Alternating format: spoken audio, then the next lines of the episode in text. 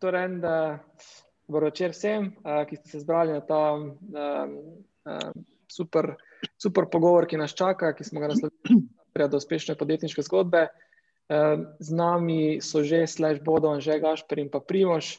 Um, vsak ima za seboj nekaj uspešnih Kickstarter projektov, uh, ne pa samo to, se tudi uh, gradijo zelo um, lepa, uspešna, celovita, zdrava podjetja, kar še bo bolj pomembno od samih Kickstarter projektov. Anže, verjetno si se prepoznal na sliki, koliko let je ta stara slika. Uh, po moje iz 2014, po moje 2014. Ja. Takrat je bila ta slika, ki smo prvi uh, Kickstarter projekt, to je bil Goatmark, na dal ven. Zdaj, glih do nas, pa smo pa pripravljamo v bistvu že petega. No? Tako da glih. Eh, danes scenarije pišemo in naslednjem tednu mogoče začnemo snemati za, za peti Kickstarter. Da uh, hiter gre čas. gre čas. Ko že za ta Kickstarter peti, ko si že nas v bistvu zrajcal. Uh, iz Goat Storyja nadaljujemo zgodbo. Goat Story je v bistvu vse o kavi, zelo uh, od samega Goat Maga začetka. Sem že videl, da, da Goat Story uh, je to samo viralna štart za Goat Story. V resnici je ta nišna kategorija speciality coffee, ki nas je zelo zagrbila mene in tudi v bistvu sodelavce. In nadaljujemo v, v čez dalj bolj kompleksnih zgodbah, zelo veliko inženiringa zadnji. Uh, nišni devajsi za pripravo kave, zdaj v bistvu gre za mlinček, ampak to mi delamo za to high performance mlinček za kavo. Neki, vedno je pa tudi prgod storij to, da presenetimo z vsakim izdelkom, torej vsak v identiteti imamo podpisan to, da vse, kar lansiramo, lansiramo produkte, ki so drugačni na trgu. Torej, vedno, ko lansiramo, je nekaj čist drugačnega. Tako kot Goatmark ni navadna šalca za kavo, Gina ni navaden coffee maker, ni navaden pour-over maker in zdaj tudi uh, z Grinderjem gremo v to. Uh, in tudi devajsi, ki bojo sledili še v naslednjem letu, bojo isti ta language komunicirali. Dobro. Za, um, za vas, za vse, ki sodelujete, danes tukaj pripravljamo eno tako zanimivo anketo. Uh, in sicer na platformi menti.com, uh, če greste na spletno stran menti.com, vtipkate kodo dogodka 38, 81, nič 42 in uh, oddate svoj glas za kateri projekti, kateri Kickstarter projekti so tebi, oziroma vam ostali najbolj spomina. Pa me zanima, se bo kateri uh, izmed tvojih anžena znašel tukaj v top of the mind. Uh, um, to še uh, ljubitelj kave od vsega začetka, um, ali pa v bistvu nekaj, kar te je zagrabilo uh, nekje uh, uh, pač ljubitelj kave. Uh, že zelo dolgo, samo potem, ko se pa to še malo bolj profesionalno spustiš v to kategorijo, uh, je pa še to, gre to globino. Tako da je uh, eno je stvari, ki jih delaš v prostem času, ki začneš delati pa stvari v profesionalnem in prostem času, so pa to, gre pa v zelo velik čas. Tudi mi smo začeli uh, roastati kavo, imamo lastno pražarno. V resnici v nekaj letih, oziroma v letu, oziroma dveh, hočemo biti nekako 360 coffee company, torej od espresso mašine do grinderjev, do različnih devajsov, tako hočemo celoten segment pokriti. To je nekakšna vizija, uh, ki jo hočemo nekako doseči v naslednjem dobrem letu. No. Tako da imamo zelo, zelo, zelo intenziven plan uh, narediti. Kar koli sem pa rekel, še to, da mora biti vse stvari drugačne, kot so že zdaj na marketu. Torej, vse stvari ne. Pri vsaki stvari hočemo inovirati, presenetiti, zato je v bistvu kar eno težko breme, ki ga nosimo, da hočeš biti vsakeč tako drugačen. Uh, In uh, ja, to, to, to smo si nekako zadali in upam, da, da nam rata. Je pa pri vsakem projektu, ki ga štartaš, nikoli ne veš. Uh, vsak misli, da ja, vi greste že zdaj petič, imate izkušnje. Ne, ni res. Vsakič si čist znova, vsakič si, vsakič si čist na začetku. Tako da no, izkušnje ti nič prav ne pridajo, uh, velika te ovirajo. Tako da tudi vsak je čist na začetku da si lahko počutiš isto, kar se jaz počutim vsak dan. Eh, to še mogoče za zaključek, eh, Anže, tega uvodnega, tvoje predstavitve, kdaj, kdaj pa pride na, na vrsto plantaža v Boliviji ali pa v Kolumbiji, ker konec koncev to je, ki je v tem 360. Ne, ne, ne, ne to, to je pa ta, ta segment, v resnici imamo vsakeč v ponudbi 5-6 različnih plantaž. In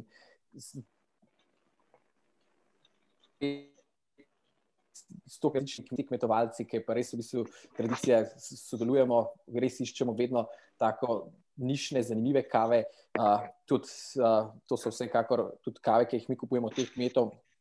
Že sama zelena zrna, ki jih kupujemo, so mnogo draže, ampak to so vse je pa to tako drugačna tradicija in vse te stvari, da spoštujemo ta del in ga tudi dobro plačamo, kmetovalca, da, da predela v bistvu tako dobro zrno. Ok, cool.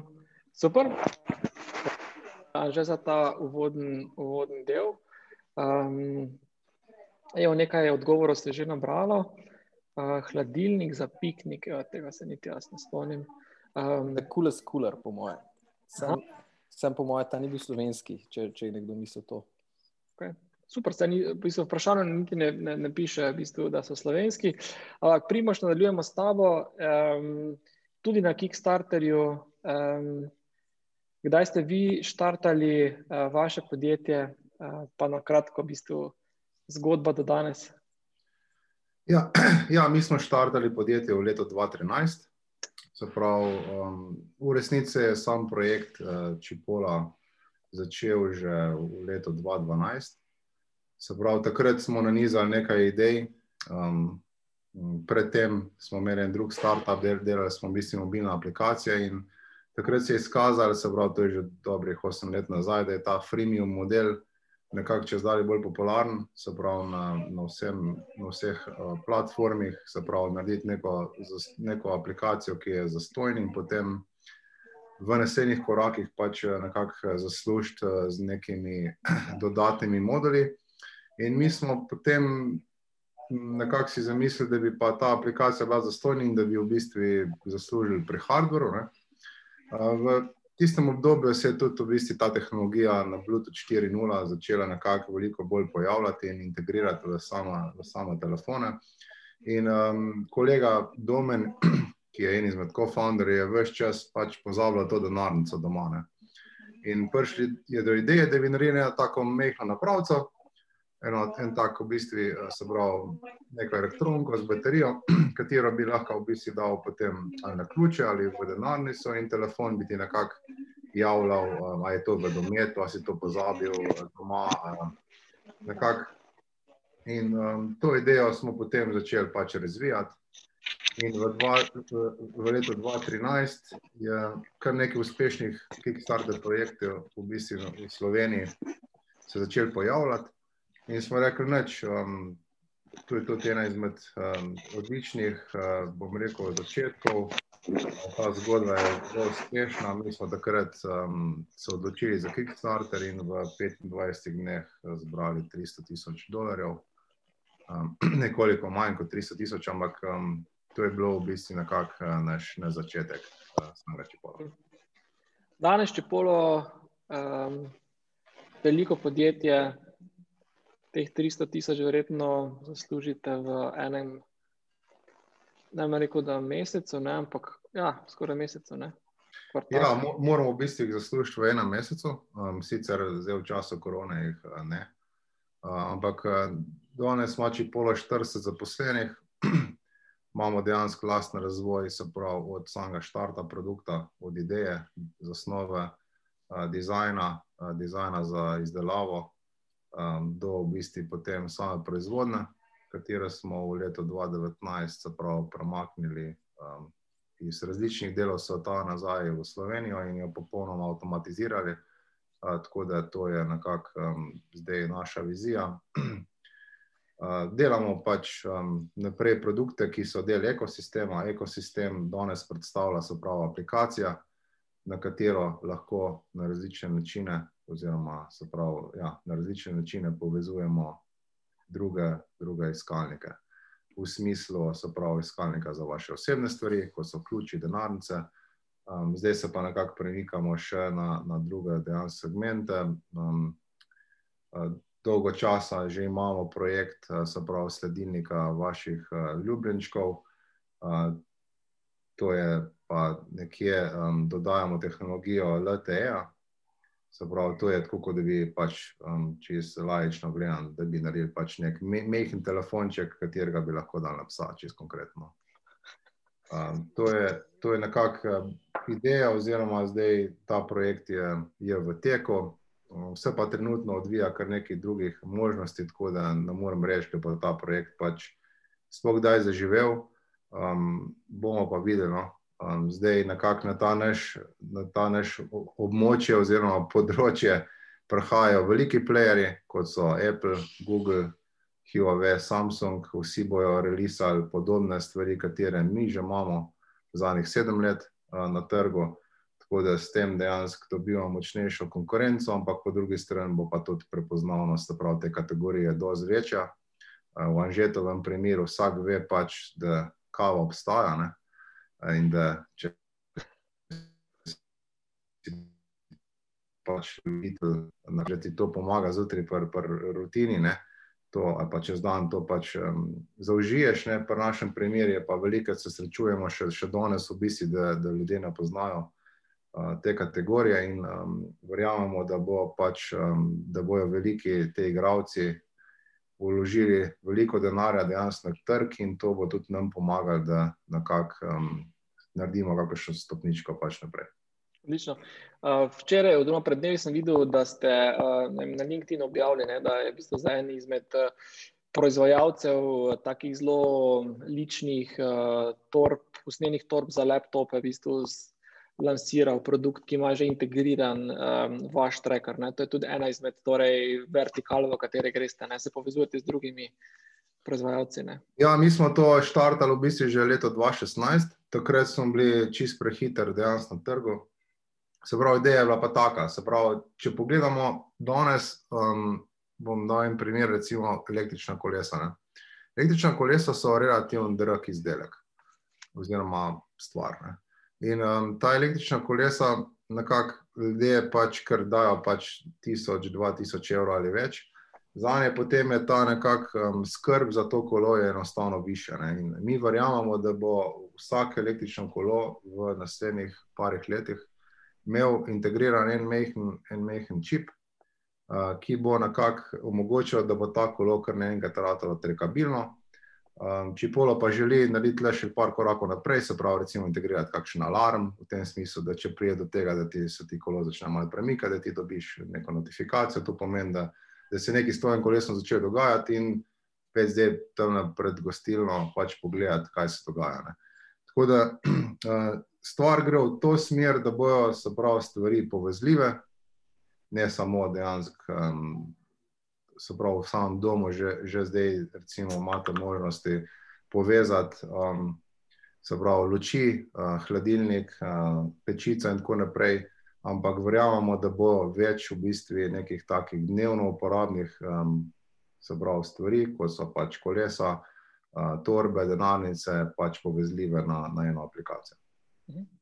Cool. Um, hvala, hvala, Primož. Uh, Gašpr, uh, še, še ti si nam ostal, uh, da nam poveš, kaj počneš uh, zanimivega uh, in kje se danes uh, vaše podjetje nahaja. Da, ja, če na kratko povem. Uh, mi delamo v bistvu ergonomske pripomočke, smo tudi edini v Sloveniji, no, ki se s tem ukvarjamo. Specializirani smo za rešitve pri uporabi računalniške miške. Zdaj je lahko to za, um, za laptopu, za navadnim računalnikom, itd. v bistvu vseh različnih upremah. Uh, na idejo smo prišli v bistvu z ekipo tri leta nazaj, uh, ko smo v bistvu bili sodelavci pri enem podjetju v pisarni in smo razvili oziroma opazili problematiko tega karpalnega kanala in bolečin v rokah uh, nasploh. Uh, ker se zaveda, da to ni bilo, vse v Sloveniji in tudi globalno, no, zelo, zelo slabo ponujenih rešitev, smo se odločili, da gremo vsem naprej in razvijamo nekaj. Po nekih iteracijah in treh letih smo razvili izdelek, to je naš prvi izdelek, zdaj trenutno imamo dva izdelka, ta Ergonomic Armrest, ki, s katerim smo lansirali Kickstarter kampanjo. Moram reči, da smo s kampanjo bili zelo zadovoljni, saj tako kot je bil tudi Anžaj, to je zelo nišen produkt. Uh, ljudje tega ne poznajo, uh, še manj pa poznajo uporabo tega, na, naprimer, na cene, ki smo jo za tisti čas nudili. In za zbranimi okoli 70-80 tisočaki skupaj z Indiegogo smo bili precej zadovoljni. Ta denar smo potem uporabili za investicijo v urodja, katere so za, za izdelavo našega izdelka precej, precej draga. Uh, no, po, po teh končanih zadevah smo v bistvu uh, lancirali in šli na trg. Uh, sedaj pa se na trgu obnašamo tako, da v, v bistvu po domače povedano uh, proizvajamo prodajamo in sodelujemo z velikimi partnerji po tujini, kateri imajo že te eh, ergonomske, ergonomske verige speljane. Saj je iz Slovenije in iz države, ki v bistvu še ni tako ergonomsko ozaveščena, zelo težko postopati brez, brez takih, takšnih partnerjev. No, to je, to je zaenkrat to. Okay, um, hvala uh, za ta, za ta uvod. Um, evo, zdaj v bistvu odpira se, odpira se tudi uradno prostor oziroma mesto za vaše vprašanje, tako da izvolite, um, če imate kakršno koli vprašanje, Facebook post ali pa v, tukaj v chat in um, z veseljem bomo naše goste poprašali, kaj, kaj dogaja. Um, Današnja debata je nekako strukturirana v par nekako sklopov. Prvi je gotovo Kickstarter, se ste vsi bili uspešni na tej platformi. Tudi, eh, kot, kot veste, se je platforma pred kratkim priključila oziroma uradno postala del tudi slovenskega ekosistema, tako da lahko zaštartate za slovenskim podjetjem na Kickstarter. Po drugem delu pa se bomo čisto a, nekako po, posvetili samemu podjetju, novim produktom, a, pa tudi, seveda, malo ne moremo mimo korone in izzivov s tem povezanim. Tako da, um, če, če gremo nekako za prvim vprašanjem, uh, vezanim še vedno na Kickstarter platformo, uh, da je že peti projekt, uh, Primoš in Gašpr sta imela po, po en projekt uh, na platformi. Uh, zdaj, že zakaj, še, zakaj, zakaj za vsakim projektom, oziroma zakaj že peti projekt, s katerim štartate na platformo. V bistvu podjetje je že uveljavljeno, ima že uspešne produkte na trgu in že ima torej, tudi poslovno gledano dobre, dobre rezultate, kar pomeni, da bi lahko tudi verjetno samostojno lansirali produkt, um, pa vseeno na Kickstarter. Torej, kaj, zakaj je Kickstarter tako pomemben del vaše strategije? Uh, je to strategija vstopa na trg ali je to strategija rasti, marketing? Zakaj? drugače smo mi uh, in jaz osebno zelo zbirčni pri tem, kaj gre na Kickstarter in kaj ne. Ko v naši ponudbi je zelo veliko izdelkov, pač, uh, mi imamo.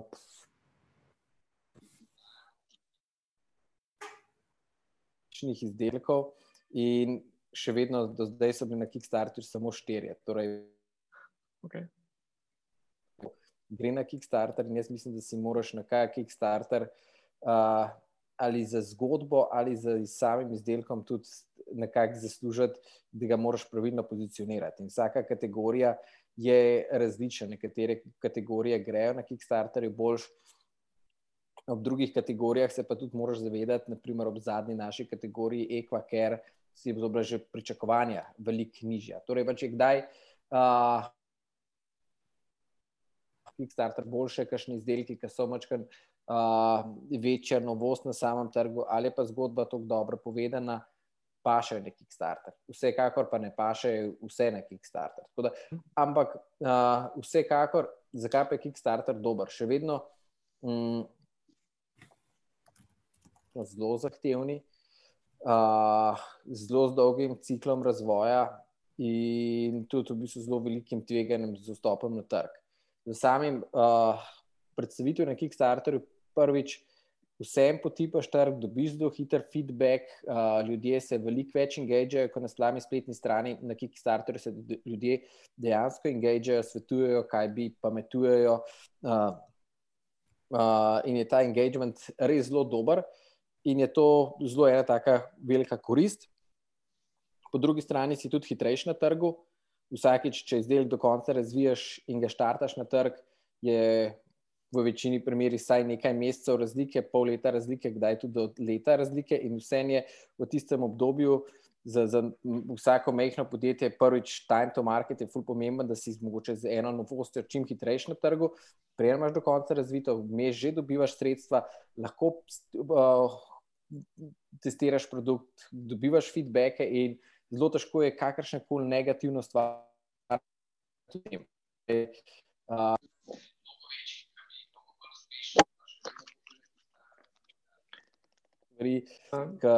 Če, in je fenomenalna platforma, če uspeš dobiti ta komunit na svojo stran, če uspeš to, da se začenjajo stvari premikati, da so ljudje potem kupujejo, podpirajo. Pač treba je vsakeč neki na zanimiv način, ali zgodbo povedati, ali mora biti produkt, nekaj mora biti zanimivo, ampak je, ni negativnih stvari,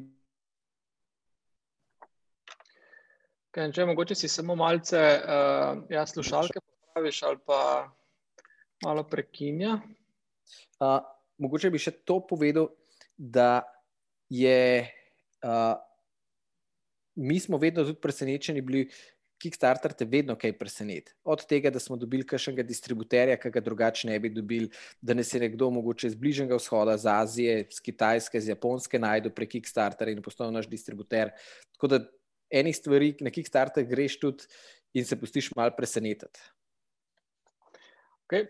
Prej si še dal eno dobro, dobro izhodišče, glede Kickstarterja. Skratka, da, je, da te Kickstarter vedno preseneti. Ne? Da kljub temu, da je to že vaša peta kampanja, pa bo to vaša peta kampanja, da vsakeč na nek način začneš znova. Kaj, um, ta, to spoznanje, pa ta trditev me na nek način malo presenetila zakaj uh, to nekako prejš, preteklo, akumulirano znanje um, ni bolj vnočljivo ali pa več vredno, to bi mi mogoče pričakoval. Zato, ker se trend zelo hitro spremenja, uh, vsakič, ko po eni strani se trend spremenja, vsakič je treba na novo video sestaviti, uh, vsakič je treba zgodbo na novo, bolj zanimivo sestaviti, in vsakič znova je to težko.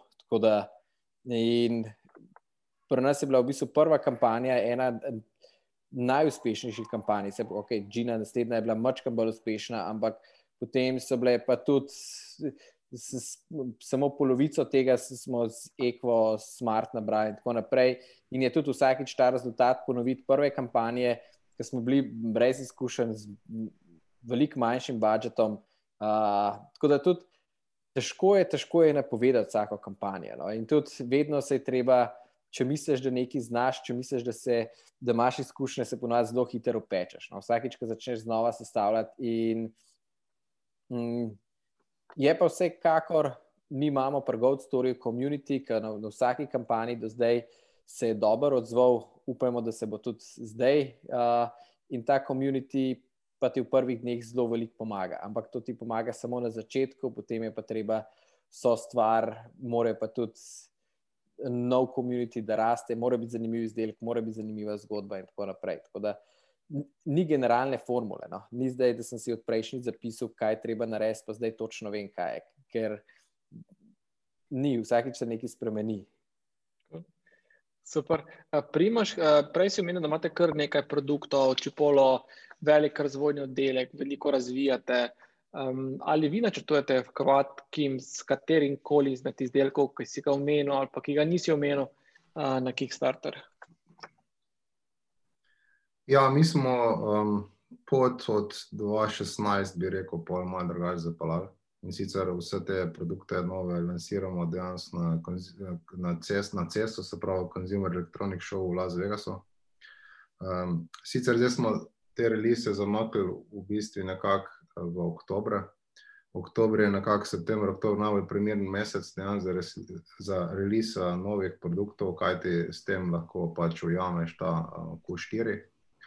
Uh, tako da vmes smo že imeli kar nekaj idej, dejansko, da bi ponovno angažirali dejansko Kickstarter, bom rekel, mehanizem, ampak um, nekako se za to nismo, nismo um, odločili. No? Tako da mi, ki lansiramo pač produkte, jih lansiramo rekel, malo na drugačen način. In to je enostavno, pač uporabimo eh, našo marketinško agencijo, ki je locirana v UK. -u. Ta potem pošlje presrelise, se pravi, različnim novinarjem, in uh, vsi nekako potem poskušajo na isti dan lansirati ta produkt. Uh, enako potem mailing uh, poteka do naših uporabnikov, obstoječih, in s tem nam nekako boostne, se pravi, Eh, prodajo pač preko naše spletne strani Amazona, eh, in pa potem v naslednjem koraku preko distributerjev, ne, ki so tudi engagirani že odprej, ali pa že nekako so produkti na poti v same retail trgovine. Se pravi, ko ti produkt pač lončaš, nekako je optimalen, da je produkt že na voljo, oziroma mora biti, ker sicer si v ta marketinški mehanizem v bistvu nekako um, hendikepirano. Tako da po vsej verjetnosti se Kickstarterja ne bomo več nekako poslužili. Tudi, kot je že omenil, mi smo kar izgubili v bistvu stik s to platformo.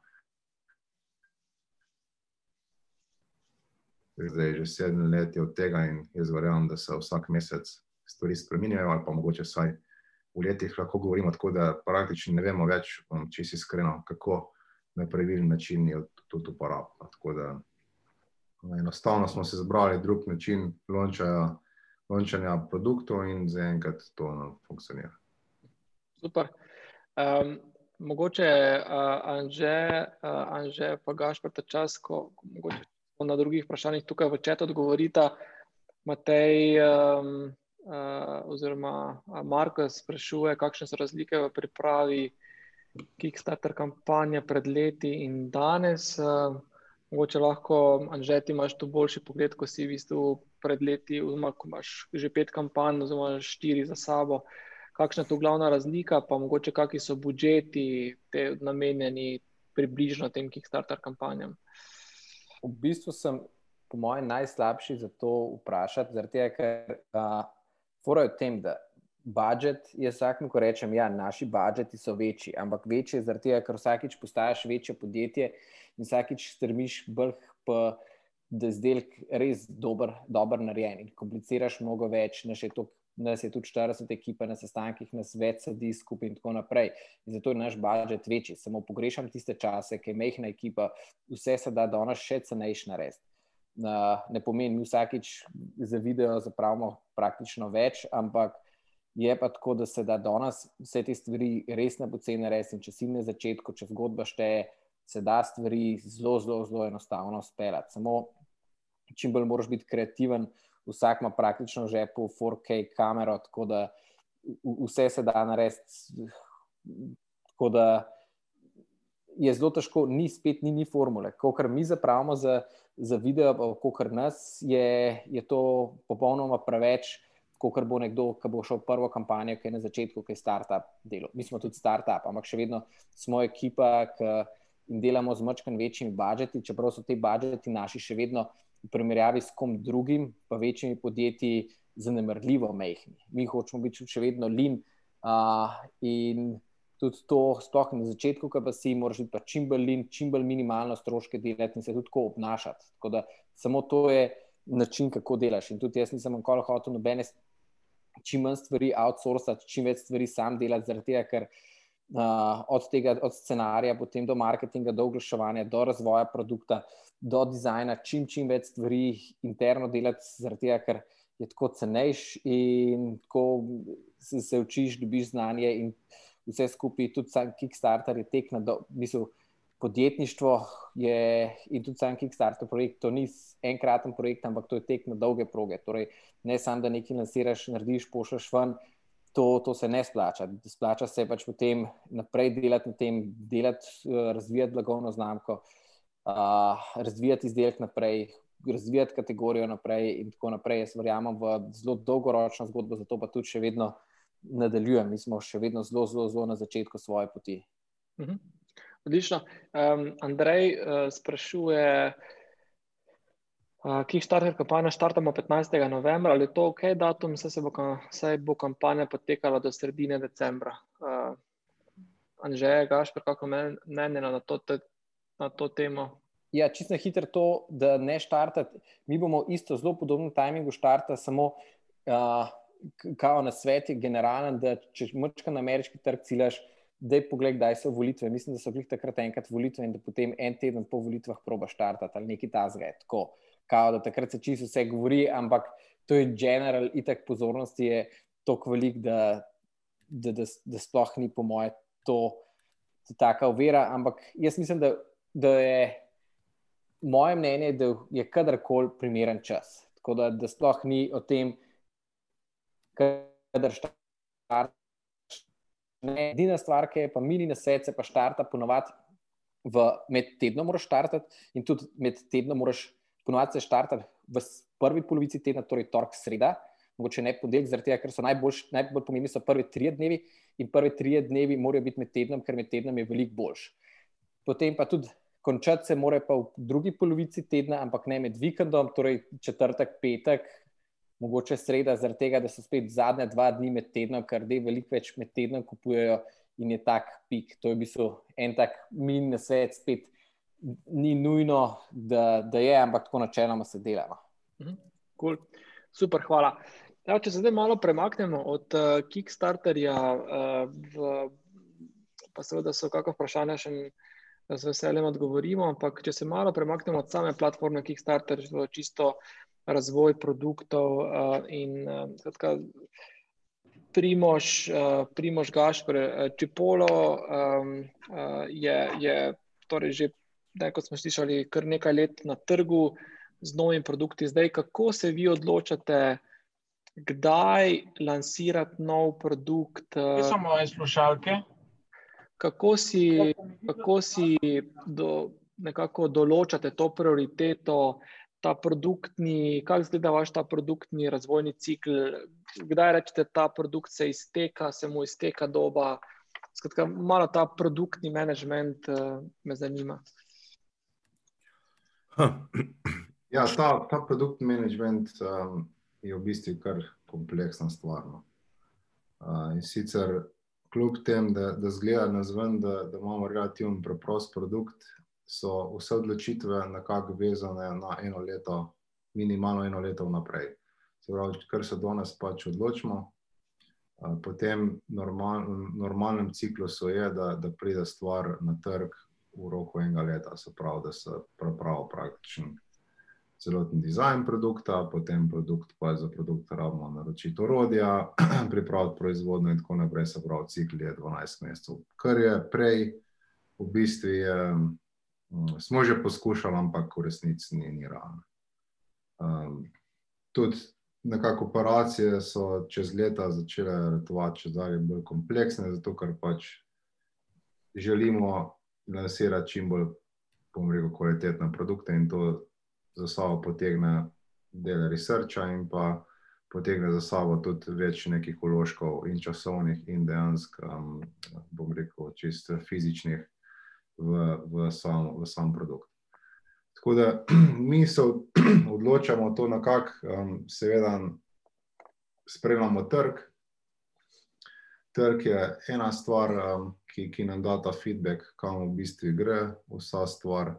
Um, mi smo tukaj zaradi naše konkurence, Tajla, seveda, bom rekel, to Bluetooth, um, rekel, kategorijo, bom rekel, potisnili kar zelo delč in verjamem, da, da smo na določenih, bom rekel, funkcionalnostih že dosegli neke limite. Ampak se zdaj začela odpirati nova, nova funkcionalnost, kot je ultra-wideband tehnologija, ki prihaja v telefone, spet se nam neka nova era od, odprla. Um, smo leto že lansirali en produkt, ki je malo bolj, bom rekel, nekako ekološko naravnan se pravi, narejene iz recikliranega materijala odpadnih ribiških mrež. Se pravi, poskušamo slediti splošnemu trendu na trgu.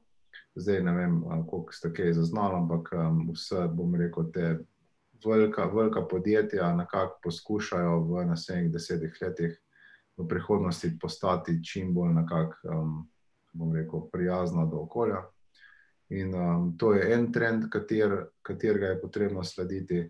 Drug trend je pa pač samo razvoj tehnologije na samih telefonih in pa v bistvu omogočanje, se pravi, funkcionalnosti iz vidika, se pravi, operacijskih sistemov. No. Uh, ta tretje pa v bistvu ta, kjer sem že prej omenil, da prihajajo, se pravi, te veliki playeri, se pravi, na trg in to nam bo v bistvu omogočilo, da da bo kategorija prepoznavna, in v tistem trenutku moramo biti nekako s ceno in pa s kvaliteto, um, bom rekel, sigurno, kakšno stopno niže, um, predvsem s ceno. In uh, to nam bo omogočilo, da bodo v bistvu ljudje kupovali alternativne opcije. Um, zdaj, nekako pripravlja se, da bo v bistvu Apple, se pravi, lansiral ta njihov svoj tracker. Ne? To se bo predvidevamo, da se bo zelo podobno naredilo, kot se je recimo z AirPods. Um, verjamem, da so obstajale pač slušalke brezžične predtem, ampak ko, AirPods, uh, ko so AirPods, se pravi, da je pla slušalke brezžične prišle na trg, je potem celotno kategorijo, se pravi, um, je dobila nek push in tudi kvaliteta vseh ostalih dejansko. Teh Bluetooth slušalk se je čez, čez, čez dvignila, in danes pač imaš na izbiro res asortiman različnih, se pravi, sošal, ki so dosegle tudi neko maksimalno kvaliteto. To je vidika pač zvoka, iz vidika povezljivosti in to so v bistvu omogočili, um, seveda, so prav proizvajalci operacijskih sistemov. Tako da, ja, nekako um, to, če povzamem, kako se nekako odločamo, za katere produkte bomo razvijali. Hvala. Uh, Gašper, Um, vi ste kot načeloma tak po defaultu v kategoriji pisarniških pripomočkov, ne? pa zadnje čase kar uh, intenzivno spogledujete oziroma vstopate na to gaming, uh, gaming industrijo, mogoče kaj o tem. Uh, kako ste zaznali, da je tukaj neka priložnost na trgu? V bistvu situacija je taka, da smo zaradi korone in vsega skupaj oziroma se poskušamo digitalizirati, čim bolj digitalizirati. Ker trenutno inkom našega podjetja predstavlja najmanj, najmanj bi rekel, skoraj 90%, no, recimo uh, business to business in online. Uh, kot so govorila prej, preko distributorjev ali pa preko teh, ki priporočajo ekonomske izdelke po Evropi in po, po tujini. Uh, ker pa smo z podjetjem, to je naš Skillshot Gaming, so v Nemčiji priznani, uh, prišli na neke pogovore, no, oni so nas kontaktirali v to, da je veliko, veliko večji problem vsega skupaj in investicij uh, v igričarstvo. Igričarski trg se ekstremno močno razvija, uh, vrtoglave številke, uh, vse, kar smo zasledili. In uh, igravci, uh, ki so seveda mladi, in posledično lahko tudi uh, starejših let, nimajo dobene, praktično dobene zaščite, razen seveda stov pri hrbtu uh, za, za telo. In ta Skillshot, podjetje, ki je lansiralo na trg zelo dobro miško in stov, nas je pripravilo do tega, da smo zdaj skupaj in skupaj razvijamo v bistvu ta naš Ergoflow Pad, ki smo ga lansirali uh, letos. V igričarski izvedbi. To pomeni, da lahko povem, da bo imel izdelek v bistvu malo drugačne materiale, malo mehkejše materiale in ta strep-on, to je tak, kako bi rekel, pas, da ti pri hitrih gibih v bistvu ne bo zdrsel ta plošček. No, to je v bistvu to. Kako, to, kako pa poteka, v bistvu, koliko pa je pri vas nek produktni razv, razvojni, razvojni cikl dolg. Recimo, Primo še govoril nekje o enem letu, približno. Tako. Uh, ja. mi, uh, mi smo potrebovali eno leto od lansiranja prvega izdelka, da smo v bistvu. Uh, izdelali in lansirali drug izdelek. Uh, ne bomo se poslušali Kickstarter kampanj uh, iz, iz dveh razlogov. Prvi razlog je, da v bistvu publika na Kickstarterju ni popolnoma naša publika in nasploh ni bi rekel, prodajna publika za, za ocenjevanje našega izdelka. Na Kickstarterju kupujejo tudi persone, ki v bistvu na koncu koncev niso, niso tvoj končni kupec in je potem mogoče tudi primoš to ve, da jih je težko polocirati, če se popolnoma osredotočiš na Kickstarter kampanjo. Uh, Druga stvar je pa zaradi tega, ker smo si naredili distribucijske mreže po, po Evropi in smo izgubili stik isto kot pa v bistvu Čipolo z, z tem sistemom. Uh, zato, ko si me vprašal, ja, odgovor je v bistvu približno eno leto. No. Okay. Uh, Anže, še mogoče isto vprašanje za, uh, za vas, koliko približno traja nek produktni razvojni cikl pri vas?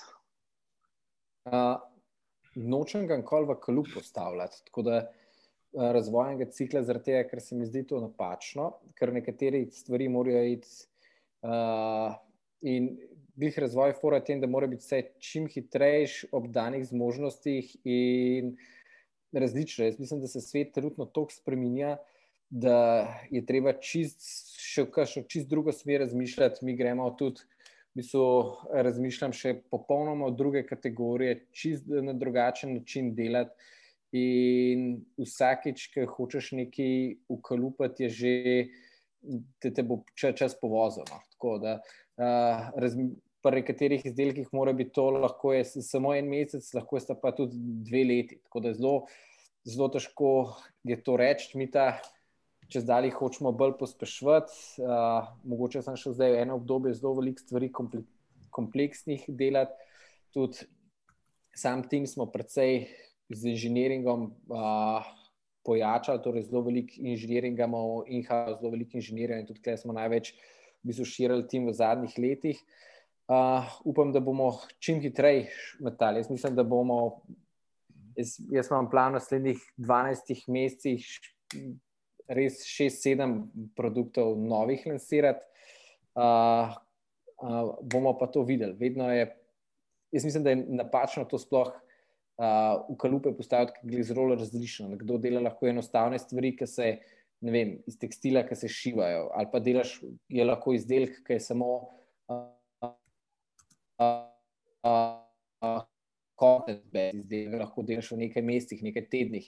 Uh, in isto, kakšne stvari, ki se, druge stvari, ki imajo pa urodje in so inženirsko bolj kompleksne, z razvojem pa normalno trajajo dlje. Ampak strmeti treba, da vedno spet, kot sem prej rekel, čim bolj lin, čim hitrejši vstop na market, tudi v prvi vrsti, v verziji, sploh če se mi se tega težko pravoščimo, ko smo že established brand, ampak na začetku si ti lahko, si lahko to hitrejši in čist na začetku ti kašna napaka je več oproščena.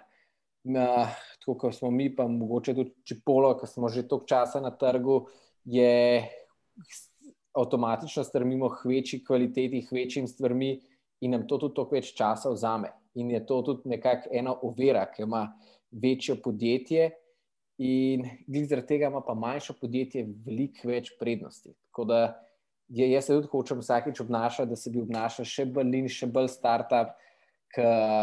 Hitrost je tista, ki je zelo pomembna, in razvoja ne moramo ukalupati, ampak mu moramo pustiti čim bolj različne možnosti. No. Okay, Primaš, mogoče tu, da je direktno izval. Uh, Um, skratka, ta hitrost premikanja, uh, enoletni, enoletni razvojni cikl je relativno dolg, ne glede na to, kar vsi, vsi tri omenjate, kako hitro se stvari spremenjajo na trgu. Zdaj, če se ti zakadiš v bistvu v eno smer, pa primor se vam je zgodilo, že, da ste se zakadili v eno smer, pa potem po pol leta ugotovili, da vem, so se razmere na trgu toliko spremenile, da to več vem, ni bilo smiselno in ste opustili vse in začeli ponovno nekaj novega. Um, skratka, kako sploh uh, lahko predvidevaš za eno leto naprej trg? Ja, mislim, v našem primeru pač, mislim, se po mojem vseh primerih zelo podobno. Če ti verjameš v neko vizijo, ne? Uh, prej sem, nisem omenil v bistvu, da nekako uh, kupci so tudi tisti, ki nekako uh, diktirajo uh, določeno funkcionalnosti. In če zdaj ti nekako daš določene funkcionalnosti v, svoj, um, v svojo časovnico, uh, potem pač te čas, časovnici slediš in funkcionalnost, um, bom rekel, releasaš takrat, ko pač je stvar uh, narejena. Ne.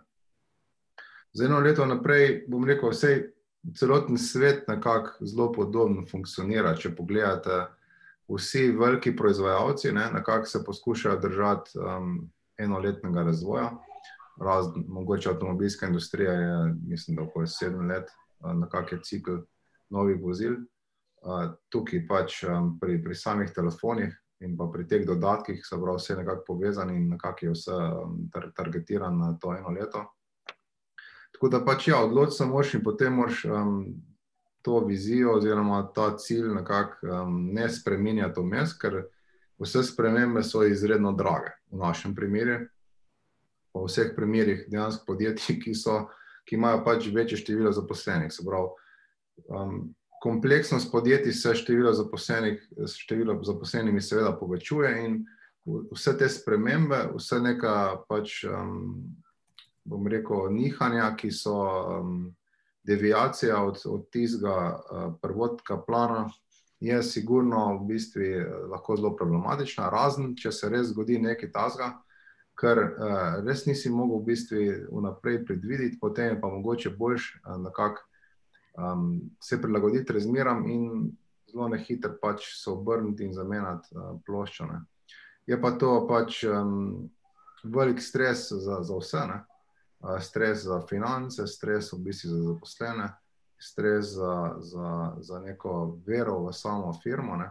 Kaj, če se pač podjetja pa res mišljujejo, pa danes bi delali tole, jutri bi pa delali pač nekaj drugega, ne? to pač um, um, ni, ni nekako dobro. No? Um, delek firme ni dobro. Ja, za, za mrski oddelek, ampak pač določene oddelke se pa pač morajo tako. Od, od, -huh um, ta martinški del, um, vse neke kampanje, te, te se večkrat letno spremenijo in v bistvu vsa mogoče testiranje ne, se dogajajo na, na tedenski, na dnevni ravni. Ne. Tako da v bistvu, um, ja, pač določene segmente, segmente podjetja pač um, se spremenijo dosti hitreje, kot pa marsikera druga. Mhm. Um, pač nekako da meni na svet, pač ja, um, če se za nekaj odločite, pač ti spropete do konca. No. Eno vprašanje vsi, ker se je ponavlja dvakrat, trikrat se pojavlja uh, patentiranje. Ima to smiselno? Patentirate vi kaj, karkoli v vaših produktih? Uh, kaj, zaš, kaj ste zaščitili? Mogoče kratki, kratki odgovori vseh treh. Primoš Kima. Ja, mi smo naredili kar nekaj napak na začetku. Na začetku smo, dali, smo imeli par funkcionalnosti, ki če bi jih takrat pred sedmimi leti patentirali, jih danes verjetno ne bi teli veliki playerji mogli uporabiti, ali pa bi nas pač pozvali, da nekako bi lahko to pač odkupili. Tako da tle smo naredili nekaj napak, nismo tega znali. Smo pa v lanskem letu dali prvo, v bistvu, bolj resno patentno prijavo za eno funkcionalnost. Uh, gre za, za out-of-range notifikacijo, čisto hitro. Pač, um, se pravi, če ena stvar pozabi za sabo, da potem ti telefon z nekim algoritmom to zračuna in javi, ja, to si sigurno pač pozabil tam na eni lokaciji. Um, drugače pa zaščitimo vse modele, to je v osnovi, se pravi, vsaka zunanja oblika in pa seveda zaščita blagovne znamke, to je nekako osnova in to je tako minimalni strošek, pa že ta je relativno velik uh mhm. -huh. za, za mlada podjetja, ampak ja, pač blagovno znamko moraš zaščititi, drugače ne boš mogel pač prodati na Amazonu. Um, veliko nekih komplikacij pač nastane, no, tako da blagovna znamka je osnova potem so pa modeli, ki so par sto, par sto dolarjev in jih je tudi smiselno, se pravi, samo zunanja oblika, ki jih je smiselno pa zaščititi. Um, Hvala, Anže.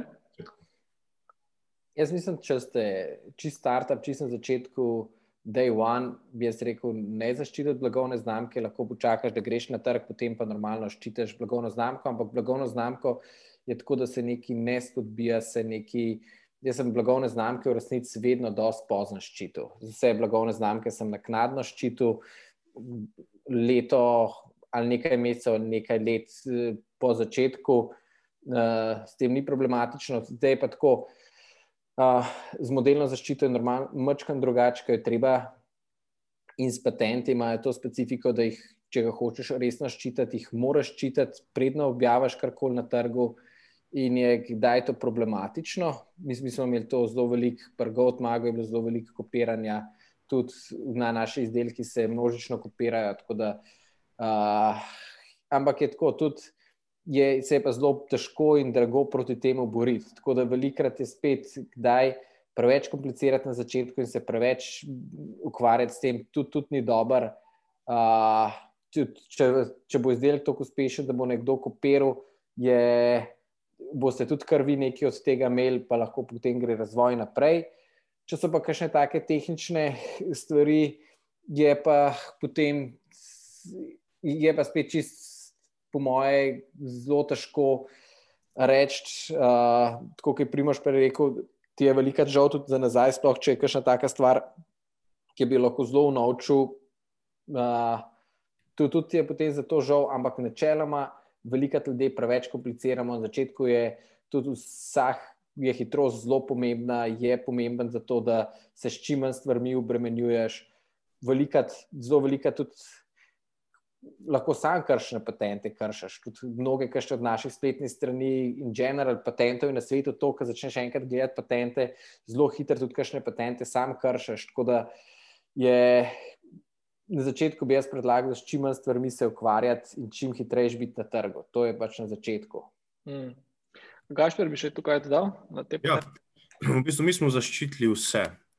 Uh, zaščitili smo v bistvu postopoma, no? tako kot je rekel, mogoče že na začetku, direkt pred kampanjo, smo bili v dvomih, ampak smo šli za zaščito blagovne znamke. Uh, zaradi tega, ker, uh, kot ste že povedali, uh, brez tega ne moreš prodajati na Amazonu, itd. Uh, potem, ko smo videli, v bistvu, da, da nam gre, v bistvu, da, je, da, da je bila Kickstarter kampanja uspešna, smo videli, da je za to trg, ker Kickstarter je delno pokazatelj, da trg za to izdelek obstaja, uh, smo šli v modelno in patentno zaščito. Modelno je uh, v bistvu oblika tvojega izdelka, Patentno je pa v bistvu mehanizem. No? Pri, pri našem produktu je pač zelo pomemben ta ergoflow mehanizem, a, s katerim se naša roka premika po svoji površini in smo to zaščitili. Zdaj, a, imaš več patentnih zaščit, lahko zaščitiš v Sloveniji, lahko v Evropi, lahko globalno, na to se pa seveda nanaša tudi a, cena.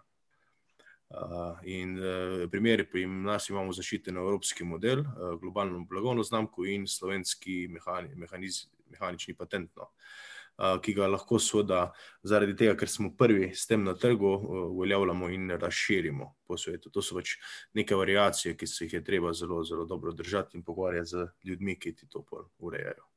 Hmm. Ej, ampak čisto lahko tukaj je eno vprašanje. Ampak a vam drži mehanični patent? Ker če ste vi prej dali produkt na trg, uh, razkrili prej produkt, ki se ga je videl, v resnici vam lahko spodbija mehanični patent. Uh, mi produkt uh, smo dali na trg, uh, če se razume, ja. ampak mi nismo razkrili mehaničnega patenta na trgu. Oziroma, Aha, okay. nismo, se razume. Ali? Ja, ja, ja, ja, model, ja. Model, model je bil razkrit, uh, kako deluje sistem, pa ni bilo javno objavljeno, niti pokazano. Aha, ok, ok. okay. Cool. Zaradi tega, ker drugače, ja, drugače bi imel problem uh, glede mehaničnega patenta. Ja. Tako, če je predtem v bistvu razkrito uh, za javno uporabo ali za marketing, mislim, da uh, lahko nastane pol problemi pri zaščiti. Ja. In še glede to, kar smo se prej pogovarjali, potem pa če hočeš ščititi na kitajskem, uh, ker so pač največ kopij prihaja iz Kitajske in tudi zelo velik market je, tam so zaščite pa najdražje in odvetniki so najdražji. Tako da najdražje je ščititi v Ameriki, so zaščite pocen, kot so poščite za. Zaščite dosto ugodne v, v, v Evropi, na Kitajskem je pa vse mnogo dražje. Cool. Um, hvala. Uh, stopamo v zadnjo tretjino našega pogovora. Še uh, Zato vas pozovem za vse, da tudi na Facebooku pokomentirate in si prislužite virtualno kavico. Um, kot veste, so um, Anže, Primoš in Pagašper um, tistemu, ki bo zastavil vprašanje in ga bomo tudi žrebali. Uh, seveda vprašanje na Facebooku um, bomo ga nekako poslali na virtualni zmenek. Um, uh, seveda, virtualna kavica s takim strokovnjakom gotovo reši marsikateri problem. Tako da dajte kar skočiti na Facebook, eh, Startup Maribor, pokomentirati oziroma zastaviti vprašanje tudi um, pod tem postom, ki ga tudi vidite na slajdu in sistemno prislužiti uh, virtualno kavico. Evo, čez 15 minut bomo izžrebali tistega, ki je zastavil vprašanje. Mi pa nadaljujemo z debato um, in sicer Urška še je zastavila vprašanje v čat in sicer um, govorili smo ogromno o inovacijah, o razvoju, kaj pa torej prodaja. Um, zdaj, um, natančno vprašanje, kako ambiciozne cilje, metrike si po posameznih kanalih postavljate, spremljate. Um, in kaj je mogoče en ali pa dva kanala, ki sta res za vas nekako najbolj profitabilna, um, ker od začetka gašpr anžeme primaš na to vprašanje. Kateri kanali, pa kako merite? Uh, jaz bi samo to povedal. Moje mnenje, kar se tiče prodaje, bi mogoče bilo tudi delna rekonstrukcija našega podjetja. No. Mi nismo bili izkušeni v tem, ampak jaz mislim, da je zelo pomembno pri prodaji v bistvu ustvariti svoj brand. Zdaj dam čisto en primer. Uh, tudi mi, tudi Čipolo, uh, kar poznam za Goat Story, sicer ne toliko, uh, imamo v bistvu ogromno distributorjev. Uh, distributorjev, ki pa te lahko, če nimaš zelo dobrih pogodb, v določenih časih in uh, situacijah uh, prekinejo oziroma zaprejo.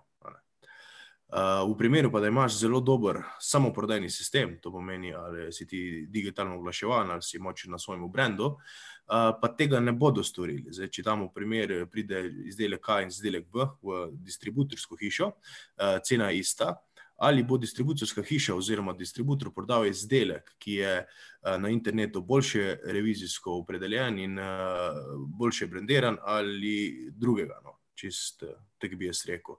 Zato, če se da izdelek, še vedno priporočam vlaganje v branding in v, v, v digitalno digitalizacijo in digitalno mreženje, itd. itd. Anže? Uh, normalno, jaz se z Gašporjem pač vse strinjam, se mislim, da se težko s tem ne strinjaš. Uh, veliko je treba dati v lastne kanale, veliko je treba dati v branding, potem je pa samo zgolj specifika izdelka, kakšen je. Uh, Pri teh stvarih je pa treba, danes je normalno, na internetu se vse meri in vsak uh, budžet, ki gre, gre, mora biti pomerjen z ciljem to, da lahko potem skalaš. Vse, kar se v marketing zapravlja, hočeš pomeriti za to, da lahko veš, da boš jutri hočeš več zapraviti. Tega, ker če ti en evro prenaša da, tri evre, oziroma danes je v marketingu ta uh, besedna zveza, ki se pravi. Beseda, ki v marketingu govori samo še o ROAS-u, torej return on ad spend, torej koliko, glede na ad spend, koliko dobiš nazaj. In ta številka se mora gibati vsaj nad 2, nad 2,5, nad, nad 3 da potem lahko skalaš. Lahko, če se ta številka, če imaš to številko dobro, potem uh, povečuješ svoj budžet in tako širiš vse stvari. Uh, normalno, internet je tista stvar, ki indirektno prodaja kanal, ki ne samo da prodajaš, uh, gradiš s tem, kar več. Lahko advertiziraš, več lahko tudi brandinga, istočasno delaš, povečuješ svojo, uh, svoj svoj komunity in potem tudi z vsakim naslednjim izdelkom imaš večji komunity, na drugi strani pa ta, da komunity tudi raste in da ostaja zvest, je pomemben, da je dobra zgodba, da je dobra vizija, da se to na en zanimiv način komunicira in s tem je zelo velik dela, ampak kot je tudi Gašpar rekel, zelo lahko so zelo velik dobrih stvari, a, lahko z tega pride potem dolgoročno. Ban. To je vse stvari, ki jih delamo, jih moramo delati dolgoročno. A, po drugi strani pa skozi gledati, kako lahko čim, čim večji a, advertising budget držimo zraven. Ja, še par besed iz, um, iz Čipola. Se pravi, mi imamo precejšen del prodaje prek distributerjev, tako kot je v bistvu že Gašpor prej omenil. Um, ta model smo čez čas začeli malo spremenjati in sicer recimo za Ameriko in za Kanado delamo prek uh, sales rep, prek dveh sales rep um, agencij. Se pravi, to pomeni, da v bistvu nekak distributer pride po, se pravi, pred retailerjem in distributer je v bistvu samo box mover, vse ostalo naredi v bistvu uh, sales repi. Vse srepi so plačani pač nek fiksni fee in pa se pravi, dobijo procent uh, uspešnosti pri prodaji. No. Recimo na, na Skandinaviji imamo eno verigo, ki, s katero delamo direkt. se pravi, brez distributerjev, brez nekih um, umestnih členov. In dolgoročno pač jaz vidim, da nekako distributerji so ratali v, zadnjem, v zadnjih desetih letih zelo nekako um, pasivno. Imajo portfolio pač izdelkov, katere v bistvu prodajajo v različne retail um, trgovine, ampak več ali manj se ne ukvarjajo ne, z brandingom, ne ukvarjajo se praktično z ničemer, kar bo v bistvu vašo blagovno znamko dvignil na en viš, višji nivo. Uh, tako da um, dolgoročno, in pa seveda pač poberajo določene procente, ki, ki vam na trenutke bojo onemogočali, da boste vi lahko hitreje rasli, ali pa v bistvu. Um, Da boste mogli pa za, za neko smiselno ceno uh, stvar prodajati pač v, v sami trgovini. Zato je v bistvu nekako online kanali, so najbolj, so kanali, katere imate lahko najbolj pod kontrolo, ampak so po drugi strani tudi zelo kompleksni, um, zahtevajo pač velike ene, ene, ene energije, da nekako loviš, kar je že pač prej omenil. Um, prave, prave, prava, bom rekel, um, povračila vaših uložkov. Ne. Tako da um, mi smo zaradi, zaradi Kickstartera dejansko dobili takrat ogromno nekih distributerjev, pač um, to so pač pisali, so nas obiskali, z nekaterimi smo delali in še kar do danes delamo, uh, recimo z japonskim distributerjem, že praktično šest let, uh, s francoskim, italijanskim, američane smo vmes zamenjali. Tako, Pač do, na določenih marketih um, je bila takrat odločitev pravilna, no? na določenih ni bila najbolj smiselna, in so nas, tako, kar so prej kolegi omenili, so nas zaklenili. Um, in nekako um, smo mogli počakati, da se je pogodba pač se iztekla. No? Smo pa naredili tudi eno napako, in sicer na začetku smo pa več. Uh, naš, uh, našo prisotnost na trgu, vsem priporočam, da nekako si izberete fokusni trg, kar bo veliko lažje iz jezikovnih preprek do marketinškega, bom rekel, pristopa do poznavanja dejansko samega trga in poznavanja kupcev. No. In tako da, če bi še enkrat pač štartov, bi v bistvu štartov veliko bolj previden in veliko bolj v bistvu fokusiran na določene trge. Tu še eno vprašanje, Matica iz na Facebooku. Um, torej, kako dejansko veste, da uh, izdelek pali, ko ga daš prodaja? Torej, sam se srečuje s tem, da deluje nekaj časa, potem pa ne več in pride čisto nečesa tretjega, kar potem deluje. Skratka, ti neki spremljanje teh različnih nekih prodajnih pristopov, oziroma marketinških pristopov, kako spremljate to. Uh, se, se torej učinkovitost pristopa zelo spremenja skozi neko, rekel, eh, razvojno pot produkta, ali je to več ali manj vem, isti kanal, pa mogoče samo druga kreativa, ali, ali ful spremenjate pristope, ne vem, digital distributerji, eh, direktno na Amazon. Skratka, kako kak malo, če to, to malo pokomentirate. Eh, skratka, to spremin, sprememba različnih pristopov skozi, bomo rekel, življenjski cikl produkta. Uh, Gašper, Anžaj, kdorkoli. Uh, no, bom jaz te na hitro. Uh, mi smo, kot sem že prej povedal, šli v poln biznis, biznis to biznis model, zaradi tega, ker je bilo uh, na tak način najlažje in najcenejše predstaviti naš izdelek, ker je le nišni izdelek. Uh, Ker pa se je pojavil problem, ko sem ga prej izpostavil, to pomeni brandinga in seveda korona, se zelo, zelo trudimo v bistvu rekonstruirati podjetje, da bomo šli v popolno digitalizacijo in nek subscription verzijo za, za ta priporočila in predstavitve. Uh, imamo pomoč enega velikega igralca v tej ergonomski industriji iz Danske, ki je vse to že dal za sabo, nam pomaga. In uh, mogoče, če nam ponudijo, oziroma če, če bomo z njimi zapletli dobro zgodbo, bomo celo pripravljeni en izdelek uh, white branded in ga prodati pod njihovo blagovno znamko. Uh, Če se razume. No. Tako da, kar si vprašal, glede ali se spremenjamo skozi načela, ja, seveda, moraš spremenjati. No.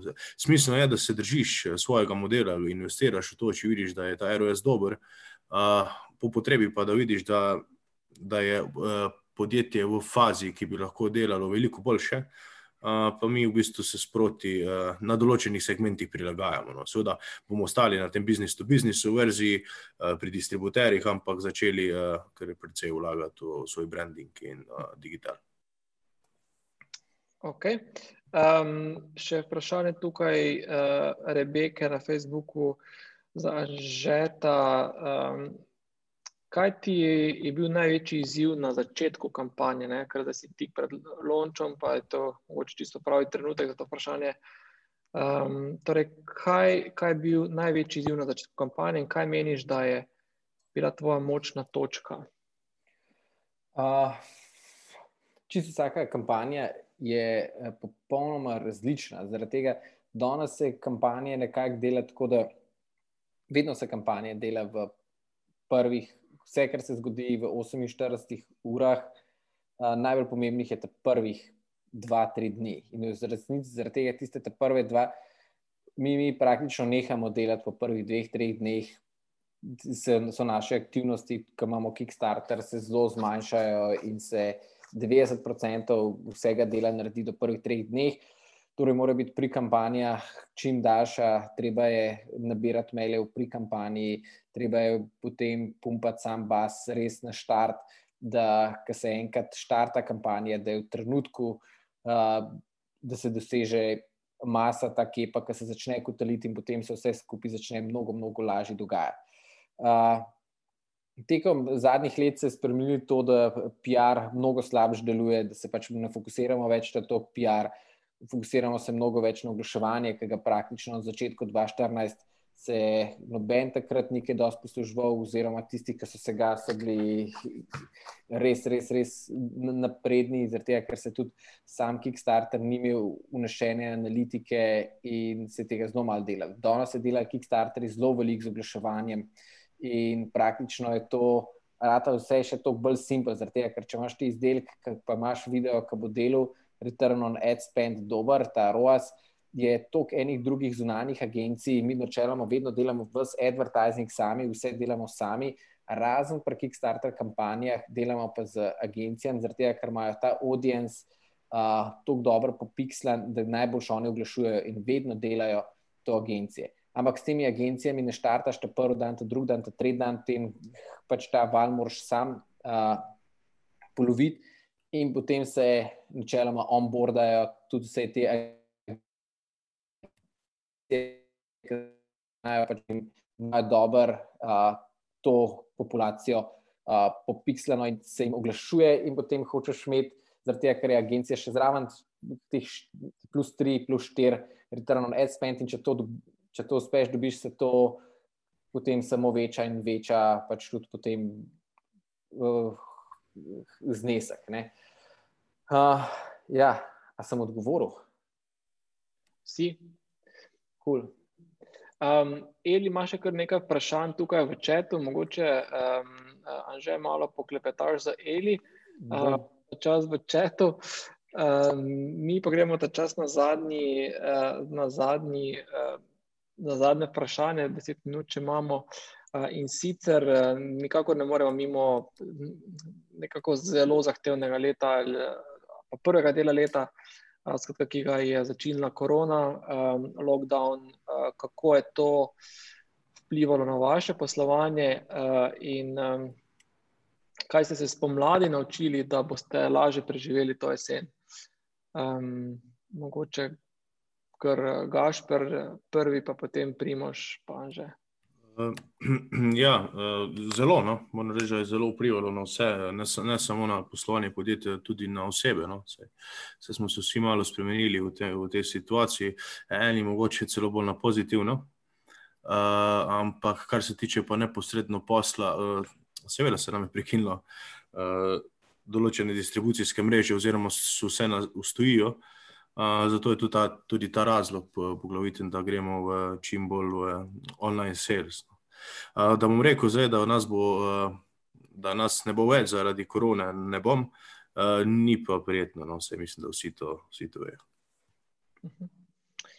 Ok, skratka, v bistvu kanali, prilagoditev kanalov, bolj neodvisnost od tega B2B, dolgih prodajnih ciklov, to je ena iz lekcij pri vas, Gašper, uh, Primož. Uh, pri, pri vas, uh, kak, kakšna je bila, koliko vas je. Koliko je bila zahtevna pomlad, um, in kaj, kaj pričakujete v jeseni, kaj, kaj ste se naučili, kaj ste nekako prilagodili? Ja, mi smo imeli v bistvu na začetku leta en najbolj uspešnih, se pravi, um, začetkov. Lansirali smo nov produkt, um, na CES-u smo pridobili za crka 250 tisoč evrov novih naročil. Vse je super kazalo, in potem je v bistvu ta virus prvo vplival na našega dobavitelja na kitajskem. In nismo dobili um, enih sestavnih delov, v bistvu kontaktov z bateriji, čisto konkretno. No.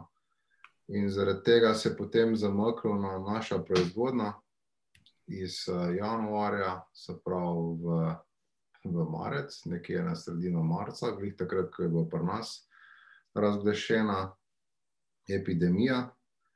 Um, in potem v bistvu smo tekom tega obdobja, kjer, uh, kjer smo bili vsi doma in tako naprej, dobro začeli proizvajati te produkte. So pa določena ta naročila iz takrat, iz januarja, se začela zamikati. Um, kupci so nas, seveda, klicali in prosili, če lahko dejansko dobava se zamakne. Ena dobava, ena dolo, ena določene dobave so se zamaknile potem v juni, in um, to je bilo prvo, se pravi, tako znaten vpliv. Potem je pa prodaja v, v se pravi, aprilu, maju padla za crka 60%. No? se pravi, celotna ta retail, dejansko retail področje nam je enostavno praktično umrl.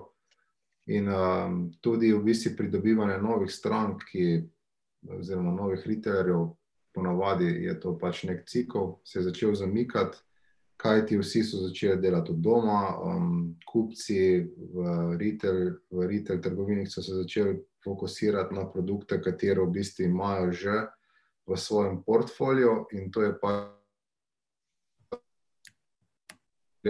tako, da je pač enostavno si ga že nekako dobil, ampak je rekel, žal, moramo pač, imamo prepoved dejansko um, um, sprejem novih izdelkov na police, ne? rešvali so v bistvu um, svoje podjetja, kar je nekako normalno. Se pravi, um, to, to je, ta virus je sigurno vplival um, zelo močno pač na Sanči Polo. Mi smo sicer se odločili, da ne bomo ljudi odpuščali, najeli smo nekaj kreditov, visi predvsem, ja, seveda tukaj v Sloveniji. Določene kredite so nam v bistvu omogočali in pa bančne garancije, tudi slovenski podjetniški sklad, ki je bil že na začetku omenjen. Se pravi, da nekako ima v bistvu model, kako iz mladih, mlada podjetja pomagati na, celi poti. No? In uh, to nam je sigurno prav prišlo. Kaj ti mi, večina izdelkov, se pravi, pripravimo za Q3, Q4, kar pomeni, da če ni bilo redno prodaje in se je nekako dobava materijala ostala na isti ravni, se je začel material kopičiti, kar po položnice oziroma pač računi pa niso v resnici um, uh, sledili pač uh, toliko denarja in uh, s, tem je, s, s tem smo nekako. Uh, prešli v, v določene težave, katere v bistvu verjamem, da bomo rešili še kar nekaj časa. No, tako da ta, ta virus ima problem v tem, da ni časovno uh, definiran, kdaj v bistvu se bo zaključil. In ker ni te časovne definicije, ne veš v bistvu, kdaj lahko začneš računati, da bo svet nekako tako prebližen. Normalno, oziroma bo začel nekako rasti nazaj, in uh, s tem posledično ne moremo pač zagotoviti, da bo pač polo v resnici preživel um, dolgoročno, ampak se pač trudimo na vse načine, da bi nekako um, z novimi pristopi, z novimi v bistvu metodami, um, predvsem iskanje novih potino um, in pa nekako obdr za obdržitev, se pravi, ekipa, uh, prebrodili pač to krizo. Da, če bi imeli, če bi bil, če bi če polo iskal viruse, ne bi bilo verjetno vam lažje. Ja, mislim, da ne, no, zdaj pač imajo OS je že dober sistem, antivirus, ne, že po defaultu integriran, malo se hit skesa, no, ampak ja, se um, ja, pač um, verjetno res. Ja. Um, Anže, še mogoče tvoj, tvoj vidik, skratka ta uh, pomlad, uh, jesen. Uh, spremembe, prilagoditve. Um. Ja, vsi smo dobili šamar, jaz sem mislil, da se bo drugače nam veliko več poznal, uh, ni tako uh, grozen, mi smo celo uh, večali ekipo, zaposlovali in še iščemo v bistvu tudi širmo ekipo. Uh, Tok velik enih zanimivih stvari delamo, tako da jaz verjamem, da za nas sploh naslednji let in še leto potem, da bojo pač največje rasti za nas. Letošnje leto smo dubali, mačkan šamarja, sicer uh, nič groznega, mogoče bolj, ker nam drugega nam je potovkal željo po rasti. Uh, tako da smo smo v dobri formi, zelo optimistično razmišljam. Je pa tudi te stres testi so dobri v tem, da je treba čist drugače začeti razmišljati. Vsi, ki ste na začetku, se je to še toliko mnogo lažje, ker je treba iti, svet se je spremenil uh, z, z danes na jutr in treba je še mnogo, mnogo drugače razmišljati, mnogo novih načinov najdete. Tudi uh, od produktov, tudi v kakšne druge kategorije, ki tudi mi, mi poskušamo iti. Torej, niso samo produkti tisti, ki jih bomo dolgoročno delali, ampak uh, treba je na zelo velik novih načinov, normalno še več v internet vlagati. Tudi kdo misli, da ne bo če hoče imeti podjetje, pa da ne bo se naučil, kako prodajati na internetu, ja, prosim vas, raj se nič ne lotite, ker bi se danes tako, da bi ne bi znal e-maila refreshati, če, uh, če ne znaš prodajati na internetu. To so osnove, da, da znaš delati branding, da znaš uh, buildati community, da znaš advertizati. To so res čist, čist osnove, ker je danes tako. V resnici so tudi tako na izi, da bi si jih lahko vsak znal učiti. In to, če vi mislite, da boste pa kar agencije za to najeli, ja, raje danes nehite delati, pa, ker, je, ker je škoda. Ker sploh je to tako na izi vse skupaj. Tako da bi rekel, da boš najel človeka za to, da ti bo e-mail refreshal. Hvala, že. Um, zdaj, um, med tem je Nataša zapisala uh, tri virtualne zmenke, um, ki smo jih išrebali iz bistva komentarja Facebook posta z Anžetom. Uh, gre na zmenek Rebeka Očko s Primožem Katarina Sladoljev in za Gašprem Miha Štalec. Čestitam vsem, dajte na info na Startup Maribor poslati vaše e-mail naslove, da vas lahko po, pomečamo. Mogoče čisto za, za na konec zadnje vprašanje vsakega izmed vas. Ste, ste v bistvu direktori, so ustanovitelji, vodite velike ekipe, ste pa tudi posamezniki, ste ljudje, ste osebe, kako v bistvu vzdržujete kondicijo tako duševno, psihično, kot fizično, da zdržite vse te napore. Um, zdaj že vidim, da ima zadaj uh, tisti drog za gvihtat. Pa uh, trenažer sem si nabavil, poglej za bajk. Ulora, skratka. Zdaj me zanima, koliko si naredil kilometrov v prejšnjem tednu. Gliker sem ga montiral, tako da uh, bom danes kolesaril. Prlaufu sem že danes, tako da. Anže, laufanje, šport, še kaj druga? Uh, tudi uh, dva mehna otroka doma, tako da je tudi to kar, kar pestro. Uh, drugač, tako kot na vseh stvareh, v bistvu, jaz mislim, da glih zelo veliko je treba delati na sebi. Pač, sam moraš biti v zelo dobri formi. In dolgoročno je treba skrbeti za te stvari, da operativa uh, ne premaga kreative. V resnici ta balans, treba imeti čas za kreativo, treba imeti čas za to, in stvari v stresu ni dobro delati. Tako vedno je treba se boriti s tem, tega, ker vsi že.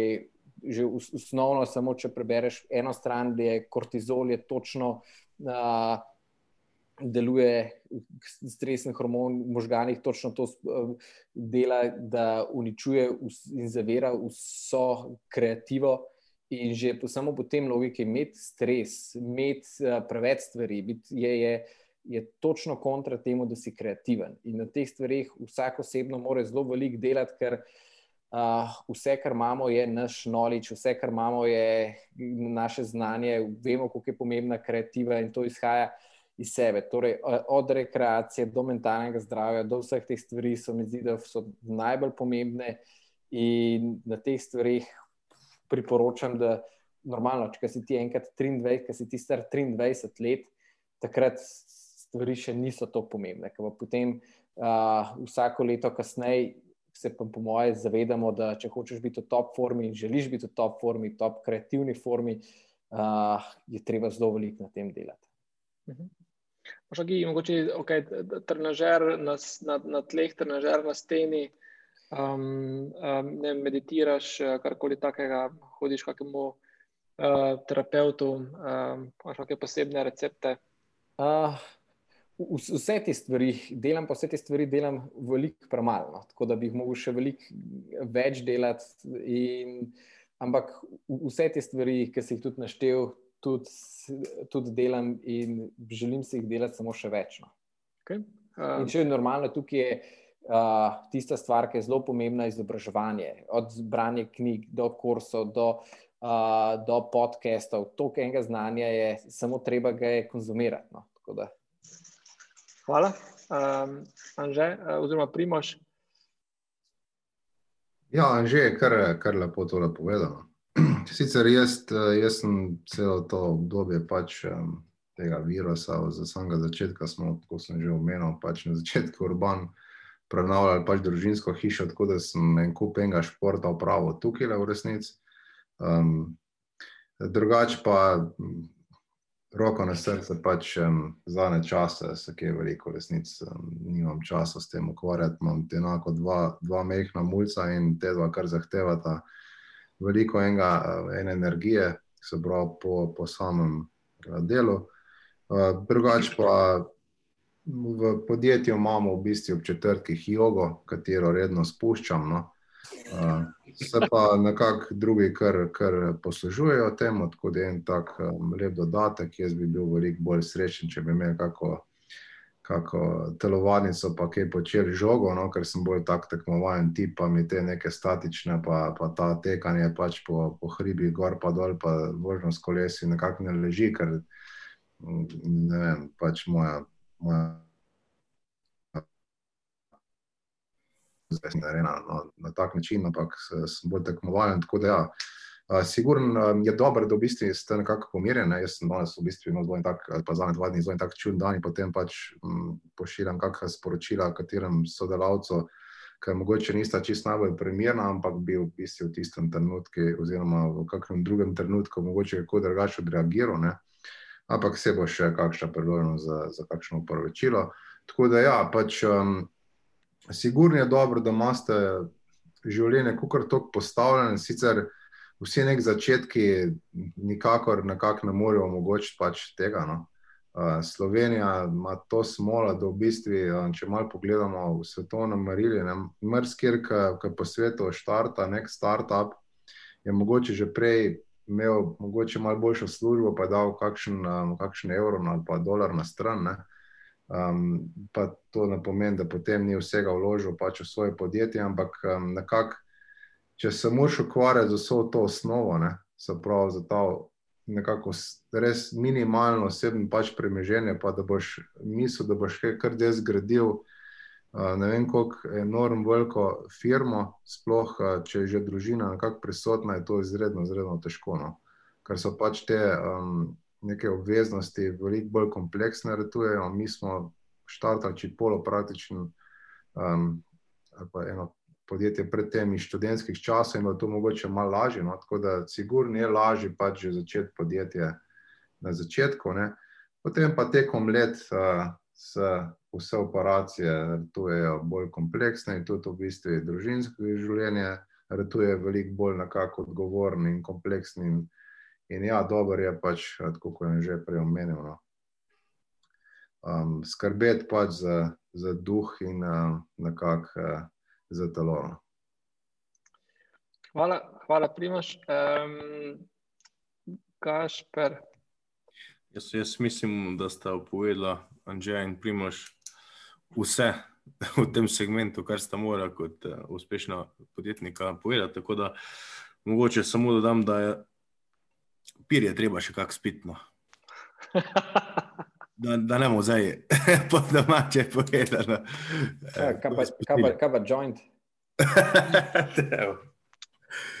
Tako. Uh, okay. Večer preveša v, v tisti ta kreativni del, vidim, da Gašperju in Žetu so začeli tudi klikeri v tej smeri delati. Jaz se vsem in Primožu hkrati zahvaljujem za ta super iskren pogovor um, in za, za vse koristne nasvete. Uh, vsem želim uspešno, uspešno zadnjo četrtino leta, da se čim prej stvari normalizirajo, zato da boste lahko um, tudi mogoče bolj, malo bolj lahko zadihali. Um, Primož ne spuščati joge. Uh, najdite si kakšni fajni šport, ekipni, da boste odbrcali, uh, Anže Gašper. Vam tudi uspešno, uh, se vidimo v kakšni naslednji priložnosti vsem, vsem udeležencem pa torej, hvala za spremljanje in um, prav tako uspešno uh, in um, čim, čim bolj mirno, mirno zaključek leta.